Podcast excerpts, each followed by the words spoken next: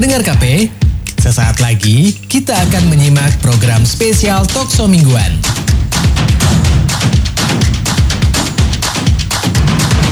Dipersembahkan oleh 96,8 KPFM Radio.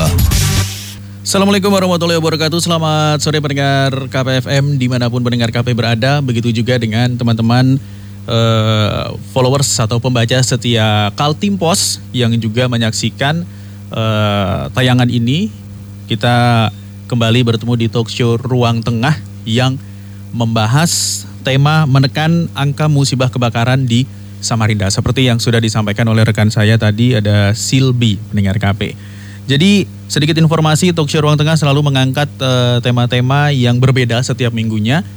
Mulai dari uh, kesehatan, kemudian juga kemarin kita membahas soal uh, olahraga, kemudian juga isu-isu terkini termasuk yang sekarang adalah kita ingin mengangkat tentang uh, kebakaran. Jadi uh, masalah kebakaran di Kota Samarinda ini khususnya juga menjadi hal yang menarik perhatian begitu. Eh, karena kita ingin tahu juga seperti apa sebetulnya uh, proses di lapangan. Karena kita tahunya ketika petugas pemadam kebakaran bertugas ya kita hanya bisa melihat begitu kan membantu ya membantu semampunya saja begitu. Nah kita ingin tahu seluk beluknya bahwa, bahwa kita ingin tahu juga sebetulnya dari dari petugas pemadam kebakaran ini sebetulnya punya punya unek-unek apa yang ingin disampaikan agar tugas mereka bisa berjalan dengan lancar begitu pendengar KP. Nah, selain itu juga eh, kita melihat juga musibah kebakaran yang terjadi di Samarinda khususnya sering kali terjadi di kawasan padat penduduk yang akhirnya juga memaksa beberapa keluarga, beberapa warga harus kehilangan tempat tinggalnya. Nah, ini berkaitan dengan tata kota juga atau tata ruang kota yang mana nanti kita juga ingin tahu Eh, masukan-masukan uh, atau apa yang kira-kira bisa disampaikan oleh uh, pengamat kita pendengar RKP ya, untuk pengamat atau saya bilang sih pengamat tata kota Samarinda. Jadi nanti kita akan langsung uh, undang beliau dan kebetulan sudah hadir via virtual di Zoom meeting narasumber sore hari ini yang pertama ada staf seksi kesiapsiagaan dan komunikasi Dinas Pemadam Kebakaran Kota Samarinda ada Pak Heri Suhendra SE. Assalamualaikum Pak Heri, selamat sore. Sore, sore, sore. Oke. Okay. Bagaimana kabarnya baik Pak Heri? Alhamdulillah baik. Alhamdulillah baik. Di kantor ya Pak ya? Ah, 86. 86, selalu siap siaga. Oke. Baik, selanjutnya selain Pak Heri juga kita mengundang Wakil Ketua Forum Penataan Ruang Kota Samarinda Bapak Ahmad Yani ST. Assalamualaikum Pak Yani. Ya, Waalaikumsalam Mas Agung. Baik, terima kasih Pak Yani ya. sudah bersedia hadir sore hari ini. Jadi nanti kita pengen tahu eh, masukan-masukan Pak Yani untuk berkaitan dengan uh, tata ruang kota Samarinda yang berkaitan juga dengan tema kita untuk menekan angka musibah kebakaran di Samarinda. Tapi saya sebelum ke Pak Yani saya ingin ke Pak Heri. Saya enaknya panggil Pak Heri atau Bang Heri ya? Pak Heri aja lah ya. Bang aja. Bang, aja, ya. Oke, saya panggil Bang Heri aja dah. Bang Heri, uh, kita sebetulnya kan di di beberapa waktu sebelumnya tahun lalu kalau saya nggak salah itu kan kita sudah sempat bicara juga di live Instagram juga ya Bang Heri ya soal uh, pemadam kebakaran begitu di di situ Bang Heri bercerita tentang kita lebih kita lebih membahas tentang bagaimana sih petugas pemadam kebakaran itu bekerja begitu kan. Jadi segala unek-unek dikeluarkan oleh Bang Heri pada waktu itu. Sudah cukup lama sekali. Nah sekarang kita pengen tahu juga nih Bang Heri. Uh, kebakaran beberapa beberapa hari belakangan juga masih masih terjadi ya kita nggak nggak pernah bisa prediksi hal tersebut. Tapi kita pengen tahu kalau dari dari pengamatan Bang Heri sendiri uh, musibah kebakaran di di Samarinda ini belakangan ini seperti apa bang? Kalau saya sih lihatnya kayaknya memang agak agak jarang ya, sudah sudah agak jarang begitu. Apakah apakah benar bang? Ya uh, untuk saat ini memang dikategorikan masih jarang ya, mm-hmm. jarang karena mungkin apakah karena faktor sudah uh, warga kota Samarinda ini sudah faktor kesadarannya sudah mulai meningkat mm-hmm. atau gimana saya belum tahu nih ya. Uh, tapi yeah. uh, memang tapi dalam beberapa bulan ini mungkin sampai per hari ini dalam bulan terakhir ini memang sudah sudah mulai meningkat untuk kejadian kebakarannya dalam artian ini hitungan per bulan ya bukan mm-hmm. per anu per tribulan atau gimana sudah meningkat radiusnya uh, mungkin ada yang sehari sekali bisa seminggu dua kali seminggu tiga kali sudah mulai meningkat gitu Mm-hmm. Jadi ya kembali kita ke waspada juga karena jika di pemadam ini kan tidak hanya satu job saja mm-hmm. karena kita juga uh, saat ini kita memberitahu dulu sebenarnya sekarang saat ini dinas uh, kami itu berganti nama. Oke. Okay. Uh, menjadi Dinas Pemadam Kebakaran dan Penyelamatan Kota Samarinda. Itu sudah diakui secara nasional. Jadi se-Indonesia sudah merubah namanya bukan lagi Dinas Pemadam Kebakaran lagi. Mm-hmm. Jadi ditambah dengan penyelamatan. Okay. Jadi tidak hanya kebakaran, non kebakaran pun yang mengganggu uh, ibaratnya jiwa dari masyarakat itu menjadi tanggung jawab kita juga termasuk uh, ya seperti kayak animal rescue ternyata ke, kebencanaan pun masuk juga di ranah kita walaupun memang mm-hmm. uh, ada job job double ada job double dengan yeah. BBPD dengan Basarnas tapi kita tidak melihat itulah mm-hmm. karena ada kriteria yang membedakan Ya, ya, ya, ya, baik. Memang uh, ya yang penting melaksanakan tugasnya masing-masing, mungkin seperti itu ya. Fokusnya menyelamatkan uh, jiwa atau menyelamatkan sesama. Nah, kalau tadi di, dilihat angka kebakaran uh, disampaikan Bang Heri juga sebetulnya sudah sudah sedikit berkurang. Alhamdulillah berarti ya sudah hmm. sudah mulai berkurang. Tapi kalau misalnya uh, kita lihat ini kan Samarinda juga semakin luas nih, Bang Heri. Samarinda juga warganya semakin semakin apa ya semakin banyak terus tempat tempat pemukiman juga semakin uh, banyak juga pastinya gitu.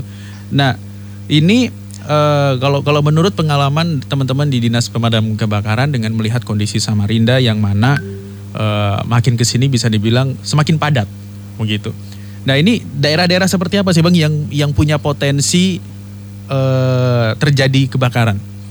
Uh, kalau kita lihat secara kasat mata sih kalau potensi kebakaran pasti ya pasti memang kumuh ibaratnya ya kepadatan penduduk mm-hmm. kemudian dalam artian kita dapat melihat tidak tidak menunjangnya dalam artian kepadatan kepadatan penduduk tersebut tidak disertai dengan akses keamanan mm-hmm. dalam artian kayak akses jalan yeah. kemudian akses air mm-hmm. nah di anu, titik air itu kalau kita sih kendala pasti situ titik air kendala di jalan untuk menuju lokasi.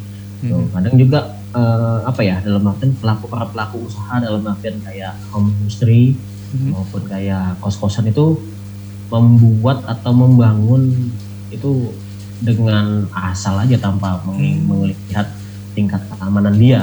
Ibaratnya contoh bahasa, mohon maaf kalau kasarnya, hmm. untung lebih utama daripada keselamatan. Hujan, keselamatan itu yang utama sebenarnya.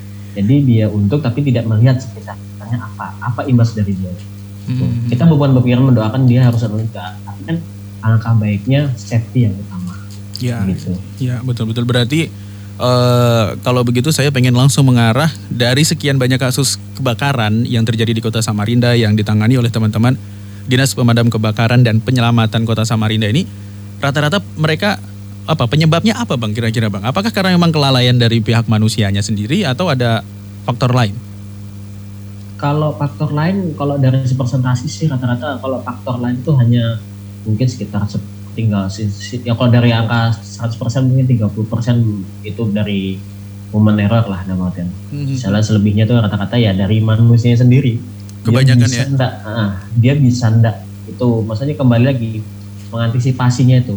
Hmm. Kadang kayak kos-kosan kan asal colok, kemudian orang yang home industry makanan di rumah hmm. tidak melihat kapasitas dia dapurnya asal pasang nambah kompor uh, intensitas untuk memasaknya juga itu tidak didukung dengan keamanannya juga makanya itu rata-rata listrik memang paling utama masih oh. dalam listrik masih utama kalau untuk kompor itu masih relatif dikit karena biasanya rata-rata itu faktor kelalaiannya dalam artian lupa mematikan yeah. saat sudah asik ngobrol di ruang tamu atau di depan rumah tidak yang masih lupa untuk kalau dalam keadaan memasak nah itu oh iya saya lagi masak air lagi masak nasi atau lagi goreng apa mm-hmm.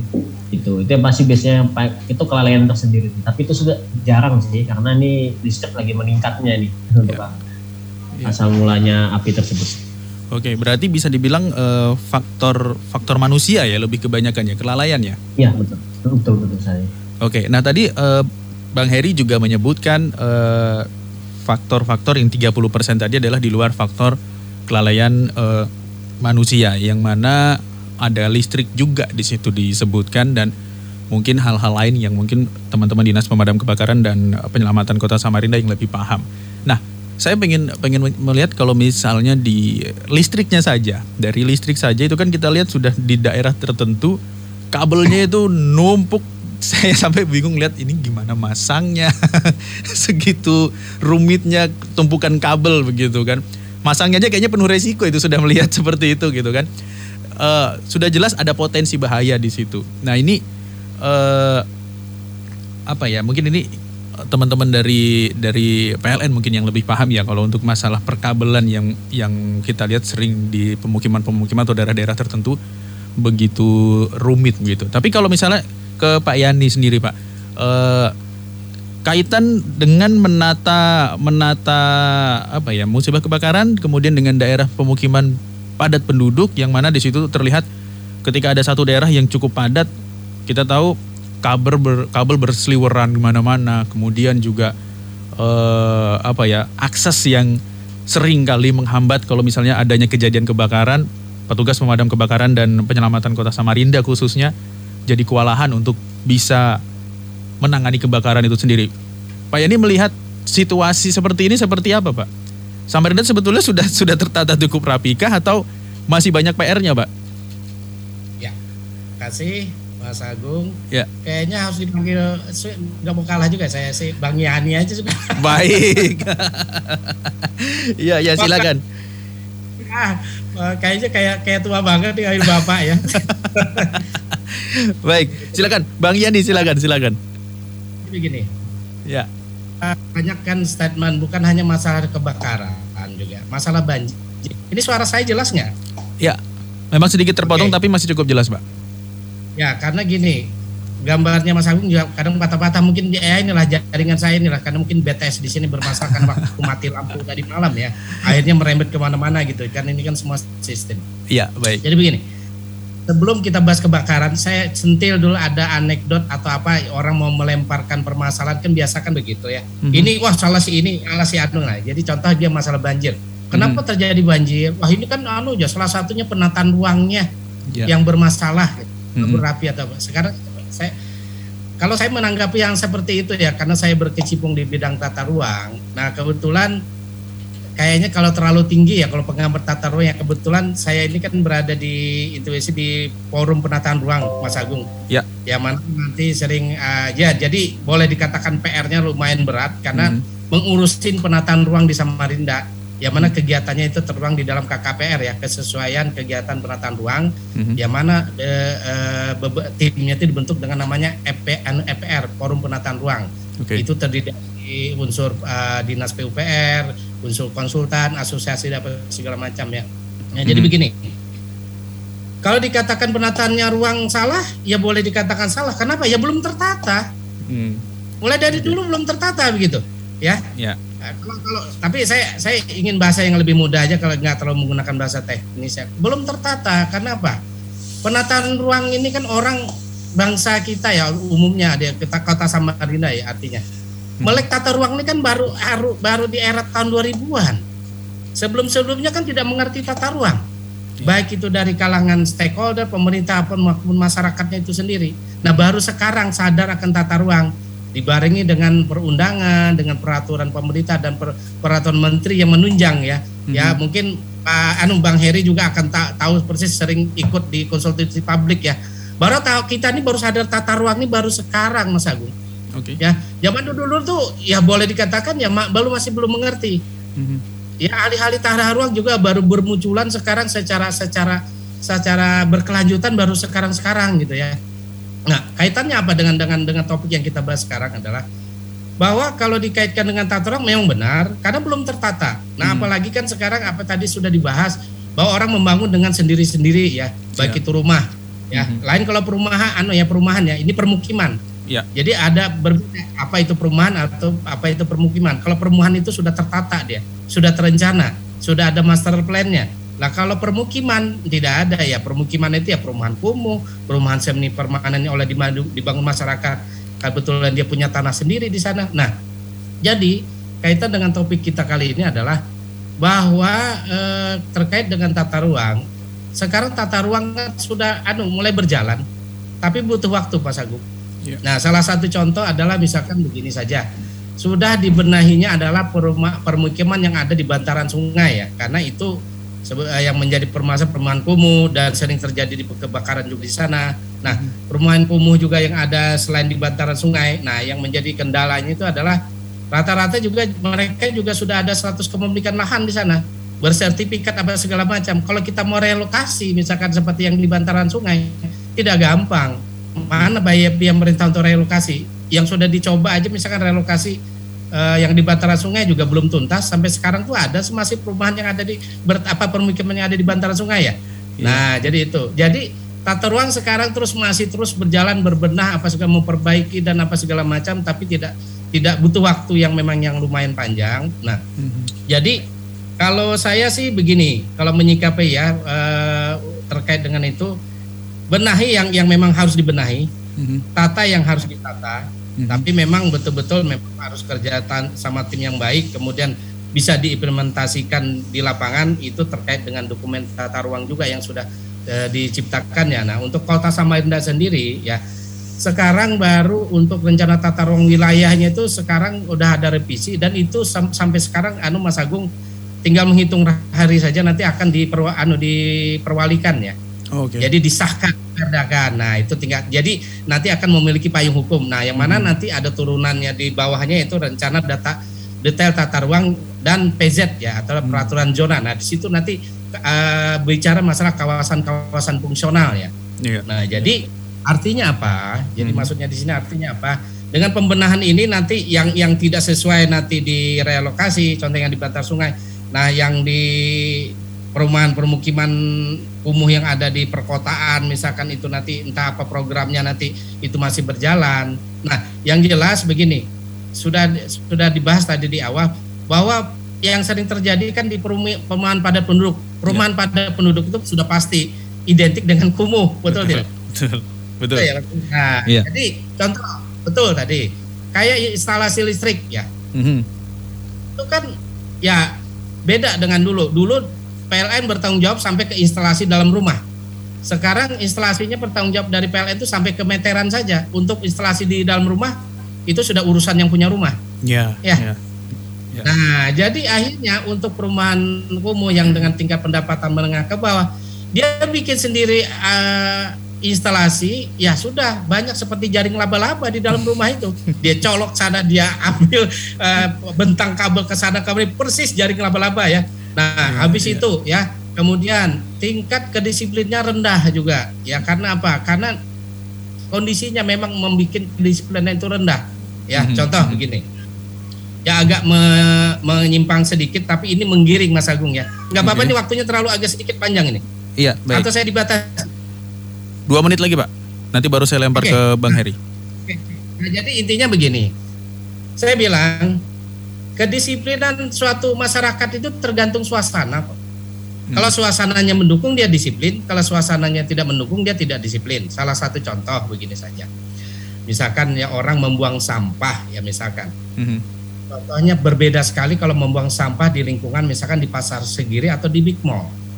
Ya. Nah, di big mall orang mau bungkus mau buka buang bungkus permen aja mikir pak, mau apa atau anu Mas Agung Ya. mau di kantong dulu ya, Ya. karena di situ lingkungan bersih, ya malu, gengsi apa segala. Tapi kalau misalkan di contoh di pasar segiri, wah udah minuman yang bekas kita minum udah dibuang aja karena mendukung di situ untuk dibuang sembarangan. Nah artinya apa? Maksudnya begini di permukiman kumi ini tadi ya memang rentan sekali baik itu bahaya kedisiplinan masalah kompor apa segala macam Mhm. kemudian instalasi listrik kebanyakan kan apa kebakaran oh ya karena arus pendek padahal belum tentu arus pendek Ya, ya banyak kejadian tapi kebanyakannya itulah. Mhm. nah belum lagi uh, bangunannya semi, semi permanen ya terbuat dari bahan kayu mudah sekali terbakar.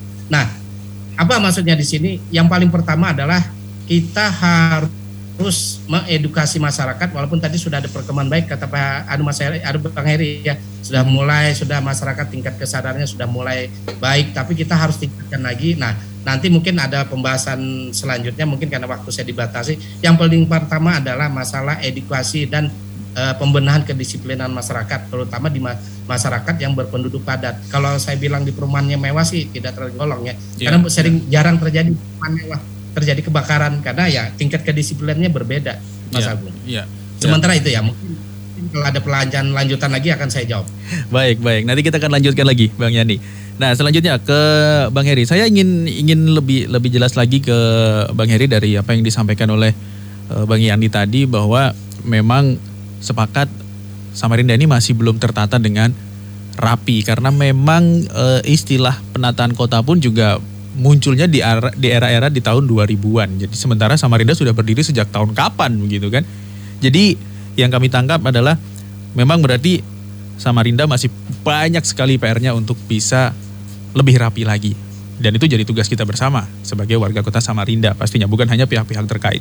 Tapi kalau misalnya dari dari Dinas Pemadam Kebakaran sendiri Bang Heri, kita pengen tahu walaupun ini mungkin sudah banyak diketahui ya, tapi ini supaya lebih valid lagi pengen tahu keluar dari teman-teman Dinas Pemadam Kebakaran dan Penyelamatan Kota Samarinda.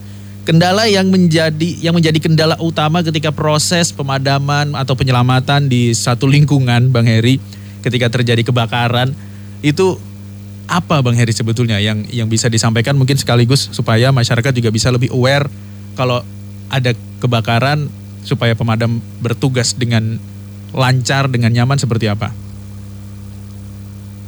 Uh, kendala utama pasti penonton masyarakat okay. yang menjadi hmm, apa ya jiwa penolong ibaratnya gitu ya. Okay. Masyarakat di luar dari relawan ya, mm -hmm. relawan dan itu adalah masyarakat yang memberikan sumbangsinya untuk memberikan informasi kepada masyarakat secara live. Hmm. itu yeah.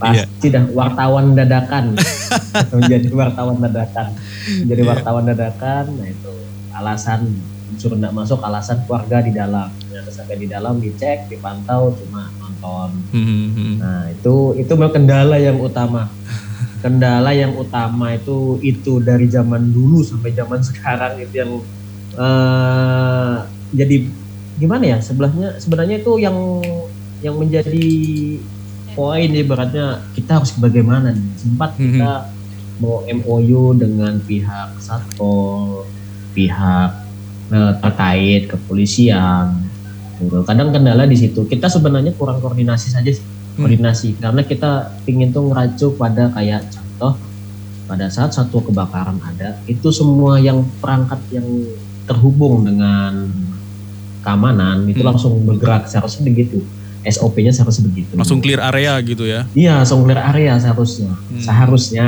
tapi yeah. sama ini ya kurang kurang masih berjalan entah gimana ya itu masih masih kita masih dicari ramuan kan dulu karena di daerah lain sudah menggunakan seperti seperti Surabaya. Jangankan Surabaya, di Kabupaten Kukar, Tenggarong Kota itu hmm. bagus koordinasinya untuk masalah keamanan lingkungan sekitar.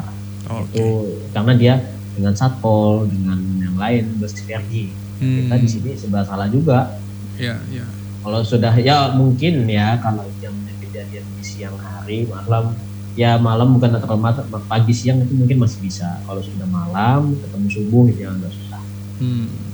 Oke, okay, oke, okay, oke. Okay. Itu yang yang sama-sama kita sepakati dan sama-sama kita tahu bahwa penonton musibah kebakaran ini masih menjadi penghambat ketika uh, tim petugas pemadam kebakaran dan penyelamatan Kota Samarinda bertugas ya memadamkan api. Tapi kalau misalnya selain itu, Bang Heri yang berkaitan dengan misalnya daerah-daerah tertentu kan punya akses yang tidak mudah ya, Bang Heri ya. Itu bagaimana, Bang? Uh, gini, kita saat ini uh, mendapat tugas dari Kementerian Dalam Negeri yaitu hmm. sebagai pembina kita. Ibaratnya bapak kita lah ya bapaknya pemadam di situ Kementerian Dalam Negeri. Hmm. sekarang kita seluruh di Indonesia di pemadam di Indonesia itu memfokuskan di pencegahan. Jadi bukan lagi di pemadaman tapi pencegahan pencegahan awal. Bagaimana caranya kita mencegah? Kita langsung turun ke lapangan ibaratnya memberi edukasi kepada masyarakat. Jadi hmm. makanya tahun ini kita nih gencar-gencarnya ke turun ke, ke, ke kelurahan hmm. tingkat RT hmm. untuk memberikan edukasi gimana itu apabila terjadi kebakaran. Gimana cara penanganan awal kebakaran yang masih skala kecil dalam badan kompor nih. Situasi jangan panik seperti ini. Terus gimana caranya clear area, itu Hmm. Ibaratnya itu ibaratnya penindakan awal sebelum kami datang. Nah, kemudian konsep kedua adalah kita ada rencana itu meng apa ya, membangun atau bekerja sama dengan pihak kelurahan hmm. membuat hidran kering.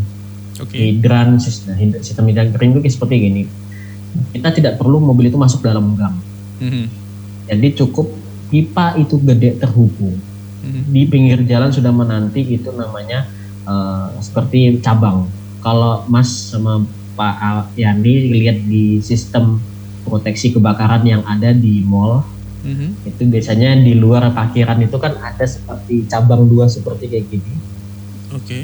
Mm-hmm. Nah itu yeah. yang namanya hidran kering. Betul betul. Nah okay. itu di hidran ya hidran ya. ya. Tapi posisinya adalah hidran kering. Mm. Jadi yeah. selang kami hanya tinggal masukkan. Mm. Kita kencangkan air, kita tinggal bawa selang ke titik outputnya. Nah, jadi tidak yeah. perlu mobil harus masuk gitu. Ya, outputnya ya. kita kita bawa situ. Itu sebenarnya rancangan, sudah rancangan insya Allah mungkin di 2022 tuh kita sudah mau menekan di situ. Pencegahan yang utama.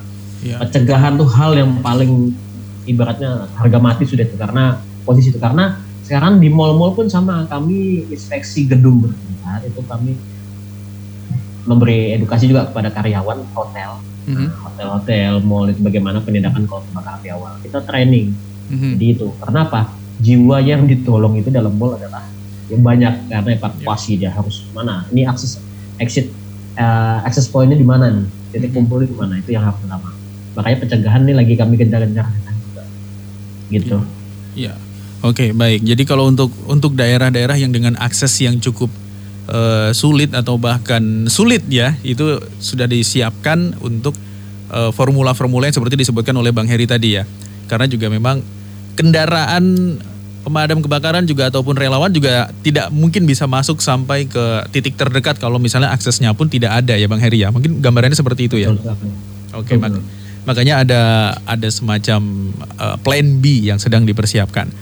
Baik. Nah, selanjutnya kalau misalnya ke Bang Yani lagi, kita lihat dengan dengan kondisi yang seperti ini tadi Samarinda masih kita bilang tadi uh, ya memang masih belum tertata dengan rapi, bisa dibilang seperti itu.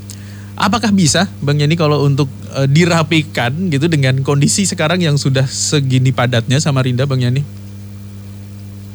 Ya, terima kasih ya Mas Agung. Ya. Ini jawaban saya diborong sama Bang Heri ya. Akhirnya saya ingin melanjutkan aja. Jadi gini, sebelum Baik. sebelum saya jawab pertanyaannya Mas Agung jadi begini. Mm -hmm.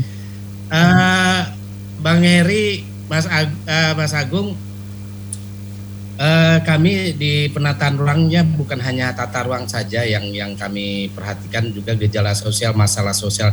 Jadi sebetulnya begini ya, mm-hmm. uh, penataan ruang ini kan asal muasalnya kan uh, ilmunya namanya ilmu planologi ya. Yang nama yang mana itu kalau boleh dikata kalau di di Plengseng kan dia belajarnya ilmunya gado-gado, ya. Jadi kalau gado-gado tahun ini semua ilmu kita pelajari ya, yeah. ya memang tidak mendalam. Nah, artinya begini. Uh, melanjuti dari jawaban dari Bang Heri tadi masalah edukasi. Tadi saya mau jawab itu tadi sebetulnya. edukasi. Nah, jadi gini. Mungkin gini, Pak. Anu, Bang, ya gini, kebetulan ya. IAP ini kantor Ikatan Ahli Perencanaan ini kan ada di jalan anu ya. Jalan Keledang di Porko ya. Kemudian mm -hmm. dia sangat mendukung karena dia satu kantor sama KP DKDKP. Jadi mm -hmm. enak sekali di situ. Nah, jadi suatu saat nanti sebentar Ya. Uh, ada ada sebentar, ada trouble sedikit tadi ada. Okay. Jadi mungkin kita duduk satu meja barangkali santai-santai di sambil ngopi-ngopi kita ngobrol tetapi obrolan yang sangat berkualitas di setelah ini ya mungkin ya. Yeah. di situ kita saling bertukar ilmu bertukar masukan. Nah yang mana begini? Kalau saya menyikapi dari dari sekaligus menjawab dari pertanyaan dari Mas Agung tadi. Hmm. yang pertama perlu edukasi ke masyarakat. Nah terus cuma harus skala prioritas dulu. Masyarakat yang berada di padat di pemukiman padat atau perumahan kumuh itu penting. Hmm. itu untuk diedukasi di, di, di artinya diberikan penyuluhan bagaimana pentingnya keamanan terhadap bahaya tentang kebakaran bagaimana cara mengantisipasi. Tadi kan adanya lah mencegah ya bang bang Heri ya.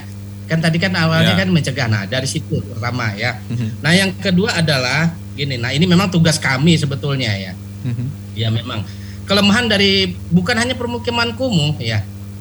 Permukiman atau perumahan pun juga fasilitas ini sudah mungkin dilupakan atau gimana ya saya tidak ngerti mm-hmm. setiap perumahan itu tidak ada fasilitas brengkeng anu Mas Agung oke okay.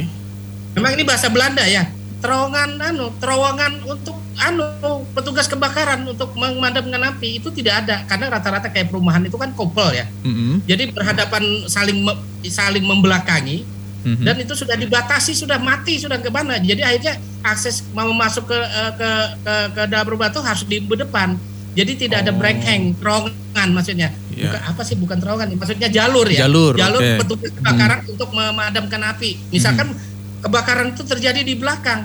Nah, hmm. masuk ke situ agak sulit. Nah, brengeng itu sudah ya bukan mewah pun sudah sudah sudah meninggalkan itu. Nah, apalagi di perumahan kumuh. Nah, pentingnya ada brengeng itu.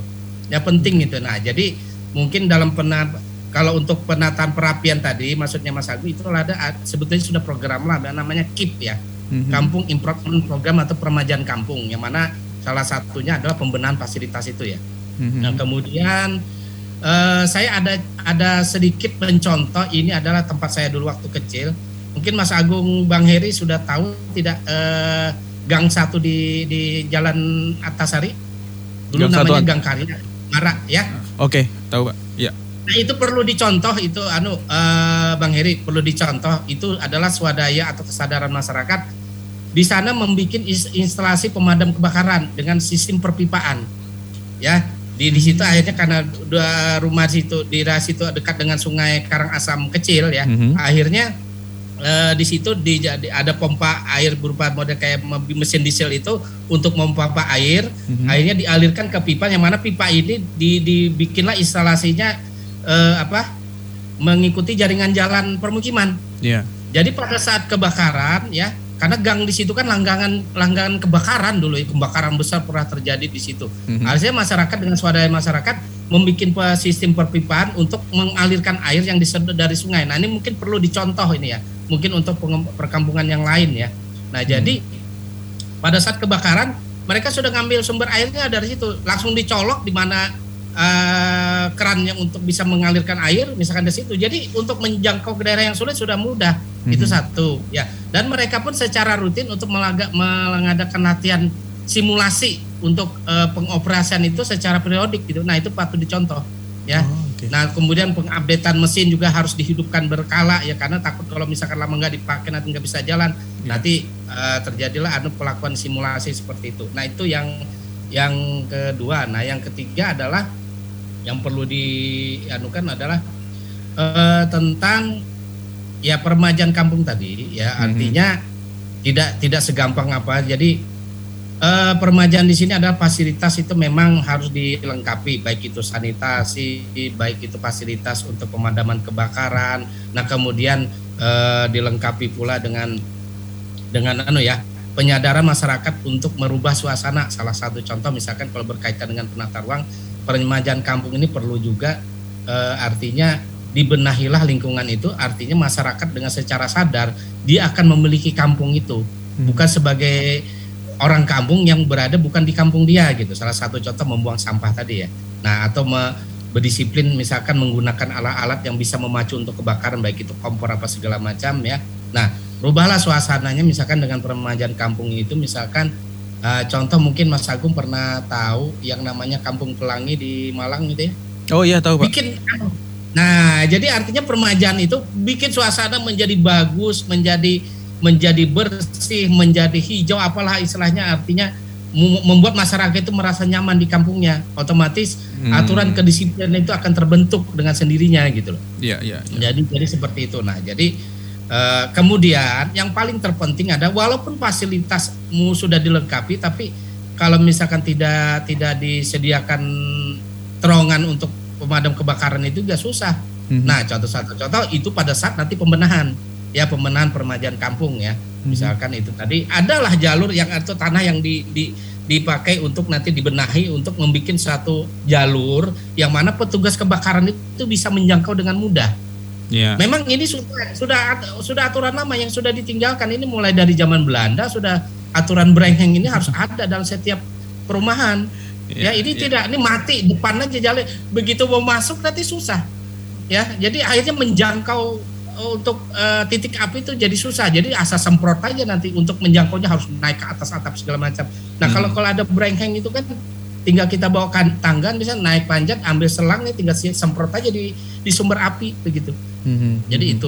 Jadi memang kalau untuk berkait dengan tata ruang uh, sambil berjalan bersabarlah kita sebenahi karena bukan hanya kebakaran saja masalah banjir sama yeah. Rinda masalah uh, berat sekali apalagi sekarang PR yang sangat mendukung ini terjadinya ini Mas Agung pendangkalan Sungai, Sungai. Oh Karangmumus, oke, okay. baik. Ya, baik. Ya. Karang Pak Mahakam juga begitu. Nah, nah itu ya. yang PR untuk uh, kita di tim tata ruang ini memang tidak mudah.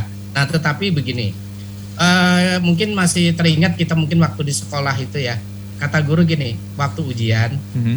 kerjakan soal yang lebih mudah dulu. Oh, oke. Okay.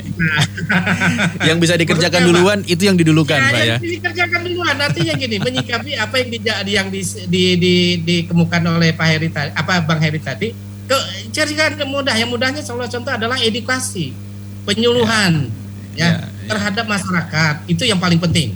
Hmm. Yang kedua adalah melengkapi fasilitas yang tadi yang kata saya perlu dicontoh. Ya. Jadi jangan mengandalkan misalkan tadi eh, apa Eh, petugas pemadam walaupun dia ada titik hidran misalkan tapi kan butuh selang yang panjang mm-hmm.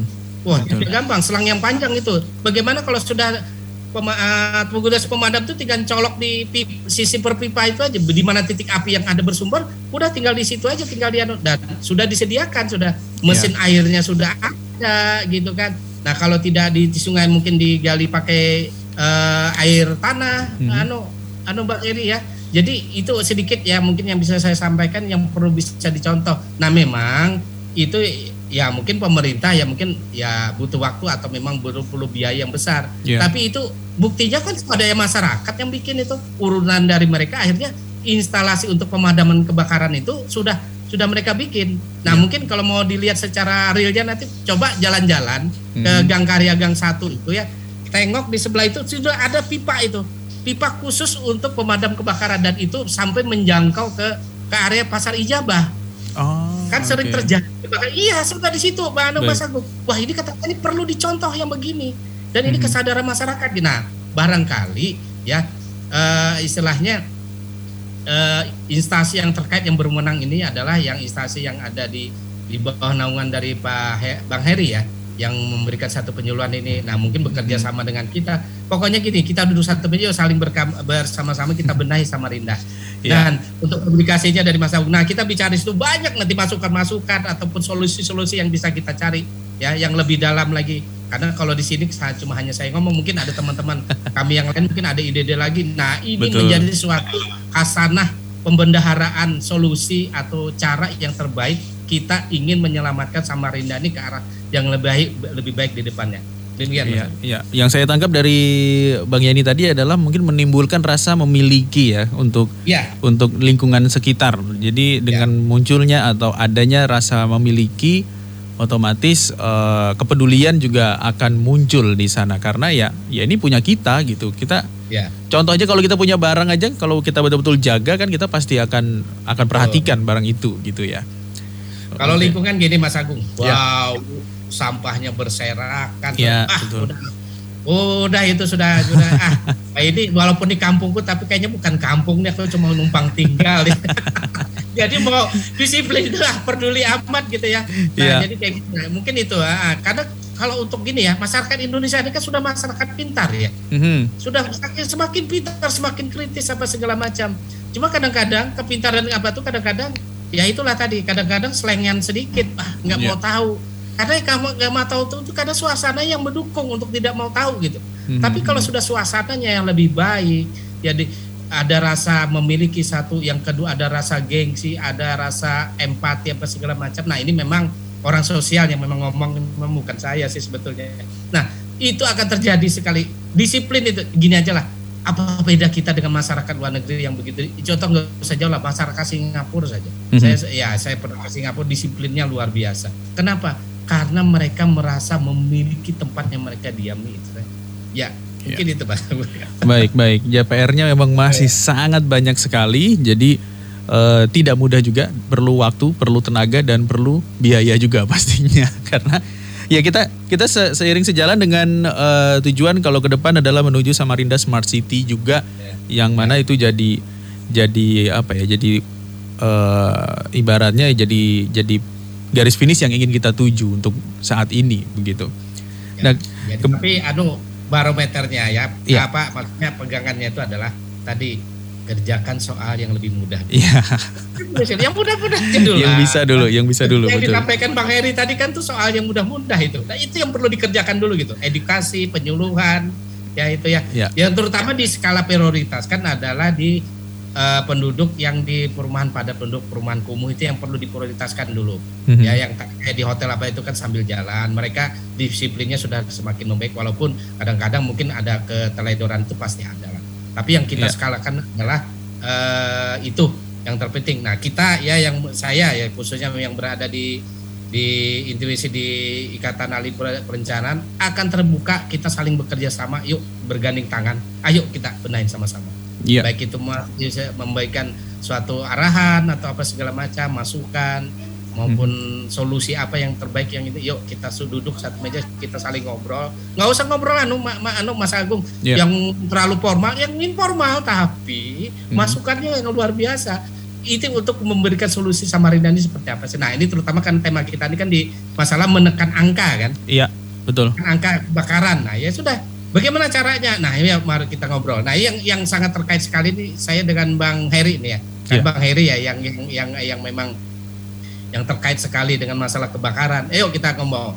Ya ayo kita ya kita saling diskusi di sini. Karena di di IAP itu anu Mas Agung berbagai hmm. kalangan ya, berbagai kalangan dari mana pun ya sudah pernah ini kita saling diskusi akhirnya kemarin tuh dari dari penanggulangan bencana masalah banjir ya akhirnya kita ngobrol gitu ya. Iya. Nah, ya, nah, okay. tidak menutup kemungkinan kita nanti kita agendakan lah. Okay. Baik, baik. Terima kasih Bang Yani. Nah, ini uh, kalau dari Bang Heri sendiri misalnya dari kondisi di lapangan segala macam biasanya kan uh, kita merumuskan satu hal atau membicarakan satu hal, kadang ketika di lapangan ada situasi-situasi dan kondisi yang berbeda begitu. Nah, yang lebih banyak berkecimpung di lapangan adalah Bang Heri dan teman-teman di Dinas Pemadam Kebakaran dan Penyelamatan Kota Samarinda.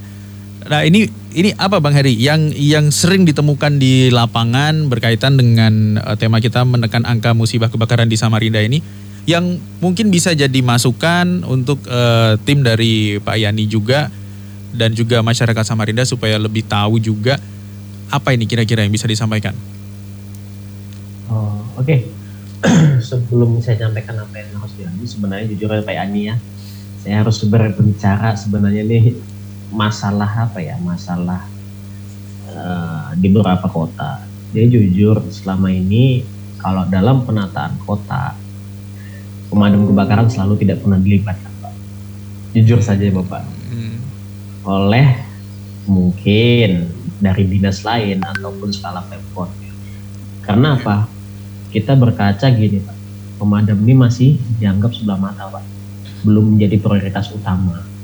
Padahal di Permendagrinya adalah pemadam kebakaran adalah urusan wajib pemerintah. Hmm. Urusan wajib pemerintah dari segi anggaran maupun dari segi yang lain. Kita sih sebenarnya kalau ada iri pasti ber, sangat iri sebenarnya dengan kota lain di Pulau Jawa karena pemadam kebakaran menjadi prioritas yang pertama malah masuk lima besar contoh seperti bapak paham mungkin di DKI Jakarta mm-hmm. sampai gubernurnya pun apresiasi jangan kan itu e, mengambil ATM aja di selokan aja mendapat apresiasi oke okay kita tidak perlu apresiasi tapi kita perlu perhatian itu sebenarnya makanya kami bingung juga di sebenarnya hmm. harus bagaimana bicara lagi karena itu ranahnya uh, kepala dengan kepala aja sih pak yeah. tapi kalau mau rancangan seperti itu ya kita monggo kita harus dilibatkan hmm. kalau banjir kan bisa melibatkan BBD kita kebakaran ya kita lah dilibatkan karena apa kita juga me, apa ya mempersiapkan juga IKN IKN ini tidak sembarangan juga tata ruang juga harus perlu disetting lagi Ya. Masa sih kota penyangga IKN banjir atau KN kumuh ya kan seperti itu. Makanya kesadaran juga masyarakat juga perlu. Ada beberapa masyarakat itu sadar. Mhm. Dulu kan kalau kebakaran oh, asal narik aja ikut-ikutan narik ikutan gimana sekarang ada beberapa mungkin di kampung atau di RT itu paham. Saya kebakaran pasti kalau mau ikut dosa pasti ada bilang tidak usah. Biarkan mereka yang bekerja. Nah itu kami kesadaran itu kami kadang, kadang senang betul mendengar gitu. Ya itu yang seharusnya ya bang Heri ya? Ya. Hmm, okay. memberikan malah mereka harusnya membantu ibaratnya memberikan akses terdekat bagaimana ya. kami yang bantu misalnya cari air di mana nih pak? Oh dikasih tunjuk itu yang bagus sebenarnya. Hmm. ya itu kendalanya situ pak. Kita kurang kontribusi pak. Kurang diikutkan kontribusi nah, pak Yani hmm. untuk mengatur segala sesuatunya. Makanya karena rencana kami di 2022 juga mau membuat perda bapak. Rencana perda untuk uh, pencegahan dan penindakan kebakaran.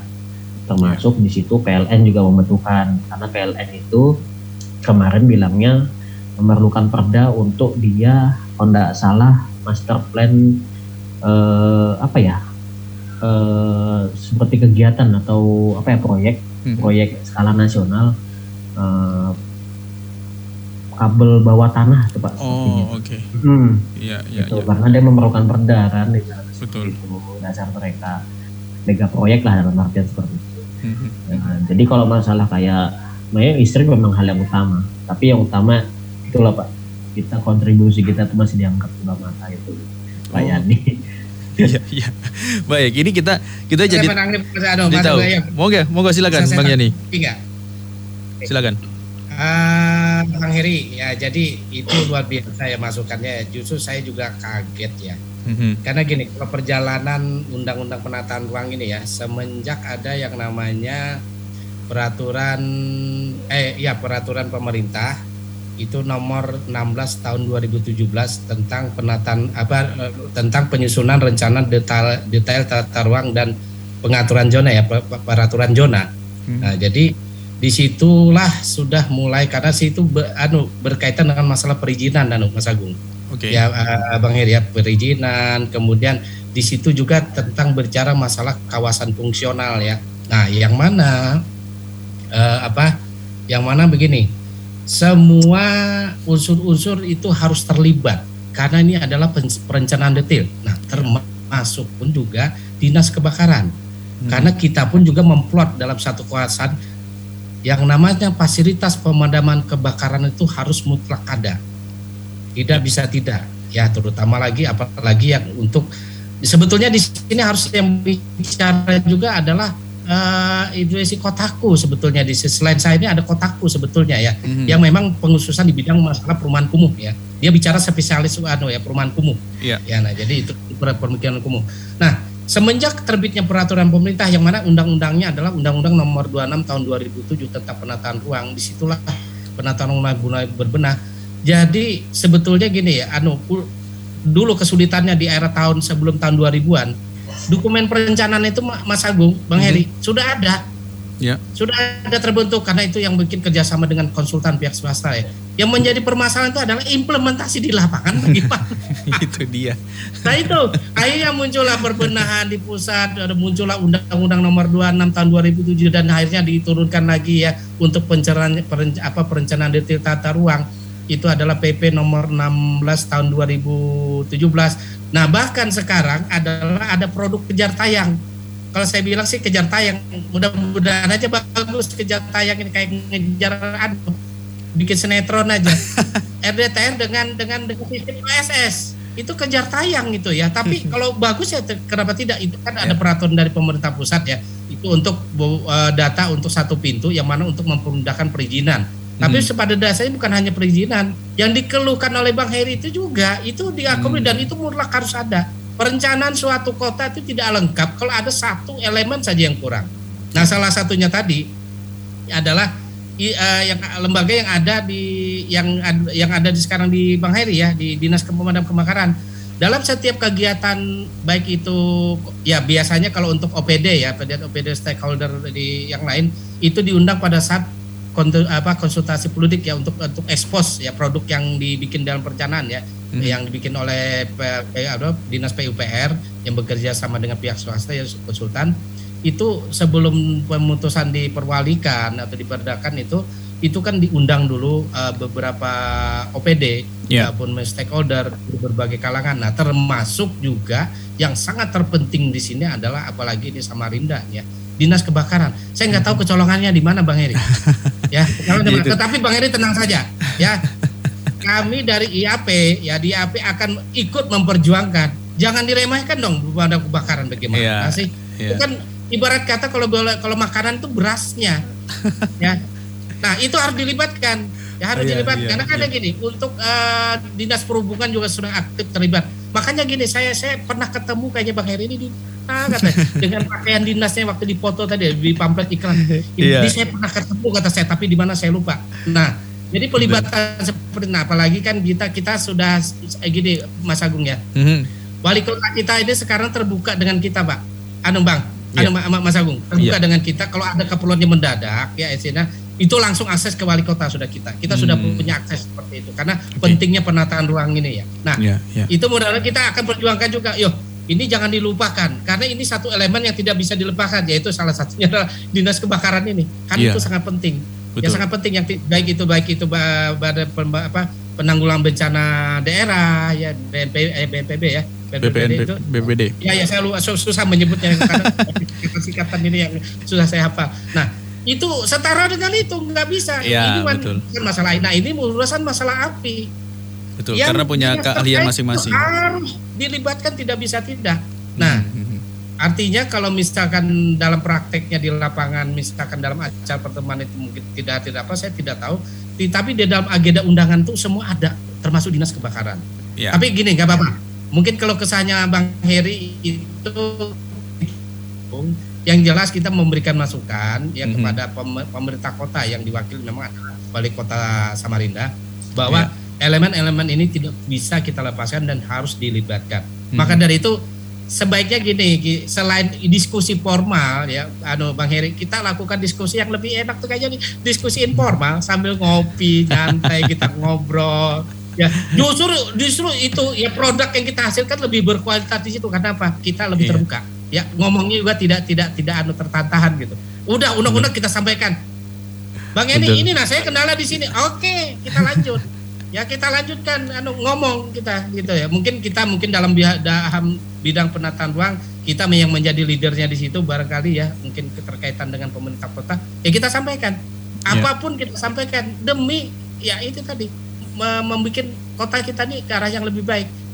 Ya, kalau yang bisa Pak Eri saya menginginkan kebakaran itu jangan sampai terjadi lah itu yang paling penting ya. Iya, saya Walaupun yakin juga teman-teman bisa ya bisa terjadi keterledoran apa segala macam tapi dengan tema yang sangat menarik pada hari ini menekan angka itu tadi kalau kesah Bang Heri tadi sudah disampaikan bahwa ya jangan dikesampingkan oh jangan dinas kebakaran mulai dari dulu tidak boleh dikesampingkan Jadi betul gitu. betul. Ya, ini sepertinya ada ada miskomunikasi sepertinya ya ketika Ya mungkin anu, miskomunikasi aja atau bagaimana ya. Betul, Tapi betul. yang jelas nanti kalau itu ya dalam hal daftar undangan kalau misalkan itu konsultasi publik atau segala macam, Mhm. semua OPD yang atau dinas yang terkait yang mana itu adalah dinas yang yang memang sangat sangat menentukan itu harus terlibat, harus uh, hadir ya di dalam acara Ya. konsultasi publik dalam penataan. Betul, saya setuju sekali dan seperti kalau misalnya eh, dilihat dari kacamata awam saja ya, misalnya kalau mau bicara soal mengatasi eh, kebakaran ya sudah pasti dinas pemadam kebakaran lah yang paham bagaimana caranya, bagaimana kebutuhan mereka untuk bisa eh, menanggulangi musibah kebakaran. Begitu juga dengan kalau misalnya musibah-musibah yang lain, banjir dan lain-lain pasti ada teman-teman lain yang punya eh, keahlian masing-masing gitu. Itulah yang yang apa ya yang yang dimaksudkan mungkin oleh Pak Heri atau Bang Heri tadi mau kita diajak ngobrol gitu kalau misalnya mau bikin sesuatu kabarilah bawalah kita ini gitu kan supaya kita bisa menyampaikan juga apa yang betul-betul menjadi kebutuhan kita dari Dinas Pemadam Kebakaran sehingga ketika ada kejadian teman-teman pemadam kebakaran bisa bekerja dengan nyaman dengan cepat sehingga musibah kebakaran bisa ditekan, angkanya bisa ditekan dan eh, tidak melebar begitu. Mungkin itu yang saya tangkap dari apa yang disampaikan oleh eh, Bang Heri tadi ya.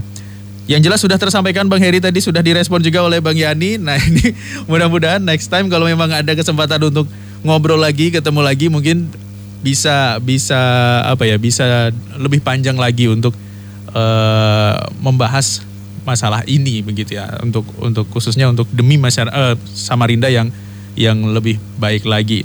Baik, ini karena juga waktu kita yang terbatas, Bang Heri dan Bang Yani, ini uh, mungkin sebagai closing statement dari masing-masing untuk uh, Bang Yani Bang Yani dan Bang Heri apa nih yang mau disampaikan? Saya mau ke Bang Heri dulu. Silakan untuk dari Dinas Pemadam Kebakaran dan Penyelamatan Kota Samarinda.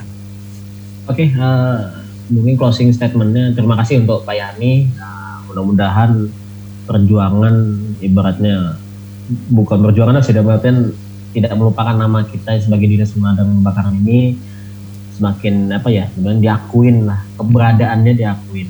Karena usia kita sudah tua. Jujur aja 103 tahun. 103 tahun pemadam kebakaran di Indonesia usianya. Mm-hmm. itu. Yeah. kemudian closing statementnya untuk warga kota Samarinda untuk lebih berhati-hati uh, dalam artian cara pemakaian listrik maupun kompor. Kemudian kalau bisa yang pada saat membangun rumah kalau bisa diutamakan untuk akses evakuasi. Kemudian beban listriknya diperhitungkan. Kemudian barang-barang yang dibeli juga yang elektronik harus sesuaikan juga. Mm-hmm. kemudian uh, untuk tingkat RT maupun kelurahan itu kalau bisa sering-seringlah uh, membuat inovasi-inovasi di mana inovasi tersebut bisa uh, keamanan. Mm-hmm. keamanan di kampung tersebut ya kan seperti ketertiban umum dan ketertiban limas. Seperti itu. Makanya kita sebagai pemadam juga siap siaga 24 jam. Tapi alangkah baiknya uh, warga yang bisa juga kontribusi warga nih harus ada juga. Ibaratnya pencegahan di awal Betul. memberitahu ke, ke tetangganya inilah inilah itu lah supaya gimana tidak terjadi kebakaran.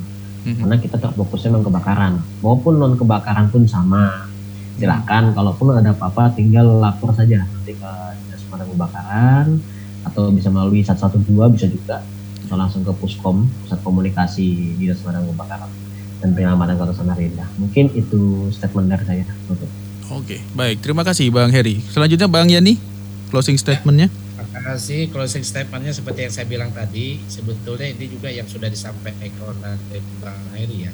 Mm-hmm. ya tadilah guru tadi mau menyampaikan kepada muridnya kerjakan soal yang lebih mudah dulu. Ya artinya eh, di dalam hal menanggulangi kebakaran dan menekan angka kebakaran, inti permasalahan yang kita harus tangkap dulu ya. Nah, salah satu contoh adalah eh, apa yang perlu kita perbuat, apa yang bisa kita lakukan yang yang yang dalam jangka ya nanti ada jangka pendek, jangka menengah dan jangka panjang. Nah, jangka pendeknya adalah kerja yang mudah dulu. Terutama adalah yang paling terkait di sini adalah ya memang ini lari ke, uh, kembali lagi kepada dinas kebakaran untuk menggalakkan uh, edukasi atau penyuluhan tentang pentingnya bahaya kebakaran, penanganan alat-alat yang mudah menyurut kebakaran, baik itu listrik, baik itu alat-alat pemasakan apa segala macam ya. Nah mungkin terkait seperti itu. Nah yang kedua ya ini menjadi PR kita juga ya bahwa pembenahan ini sangat penting untuk yang bisa dibenahi ya kalau bisa dibenahi yaitu permukaan itu harus ada hang ya, anu terowongan atau yeah. jalur untuk pemadam kebakaran itu sangat Nah ini sangat pentingnya ya, ya Bang Eri ya. ya. Kenapa? Karena kalau tidak ini percuma susah sekali ya. Susah sekali untuk menjangkau titik api untuk memadam kebakaran. Nah selanjutnya adalah uh, memang ini ada merupakan PR kita. Memang ada beberapa spot-spot kawasan ya, anu ya Mas Agung yang ya. yang perlu pembenahan memang. Dan ini terkait dengan pekerjaannya kotaku sebetulnya hmm. ya untuk pem, pe, anu ya pembenahan kampung atau uh, peremajaan kampung yang ada di kota Samarinda ini ini sudah dilakukan di anu yang sudah dilakukan di kampung kota apa di Samarinda seberang. Mm-hmm. Ya mungkin tahu ya kampung ketupat itu pernah dengar ya, Iya. Betul. Kampung ketupat. Tahu, Pak. Iya. Nah, itu kan sudah itu sudah mulai pemenahan contoh pembenahan yang dari dikerjakan oleh kotaku ya. Mm-hmm. Nah, sudah mulai tertata baik apa segala macam ya, sudah baik. Nah, kemudian persyaratan-persyaratan bangunan seperti apa, harus menyediakan apa untuk penanggulangan bencana segala macam. Nah, nah yang sekarang ya, ya ini memang sedikit melenceng. Kita ada PR berat anu anu Pak anu Mas Agung ya. Mm-hmm.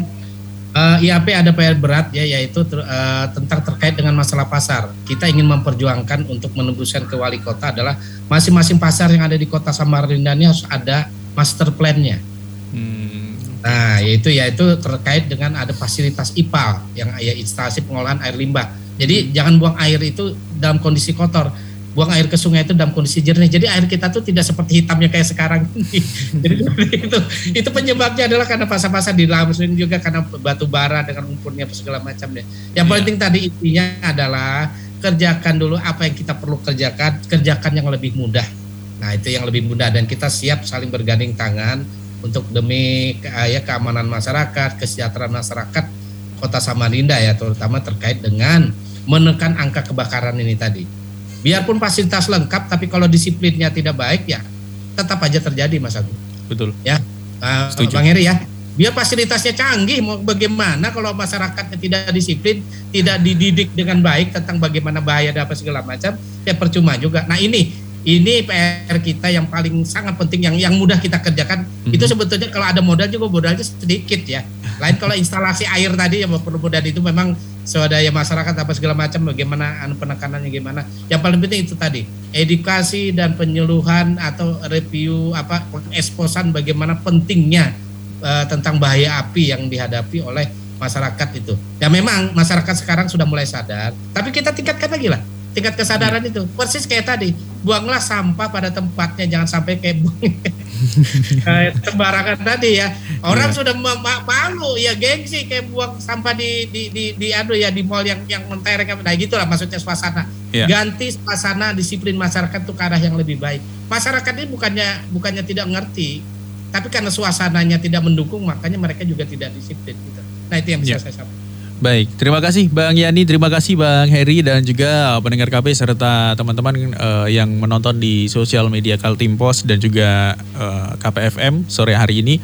Mudah-mudahan apa yang sudah disampaikan oleh dua narasumber dari obrolan kita sore hari ini ada Bang Heri dari staf seksi kesiapsiagaan dan komunikasi Dinas Pemadam Kebakaran Kota Samarinda, sorry Dinas Pemadam Kebakaran dan Penyelamatan Kota Samarinda serta Wakil Ketua Forum Penataan Ruang Kota Samarinda Bapak Ahmad Yani ST yang sudah disampaikan tadi bisa jadi uh, input baru untuk kita yang mana paling tidak kita sudah sama-sama tahu bahwa Samarinda kondisinya seperti ini sekarang. Semakin padat sehingga kalau misalnya terjadi musibah kebakaran ya kita sama-sama ngerti lah. Berikan ruang untuk teman-teman dinas pemadam kebakaran dan penyelamatan kota Samarinda itu untuk bertugas untuk melaksanakan tugasnya. Assalamualaikum warahmatullahi wabarakatuh. Pendengar KP, baru saja kita mendengarkan program spesial Tokso Mingguan. Dipersembahkan oleh 96,8 KPFM Radio.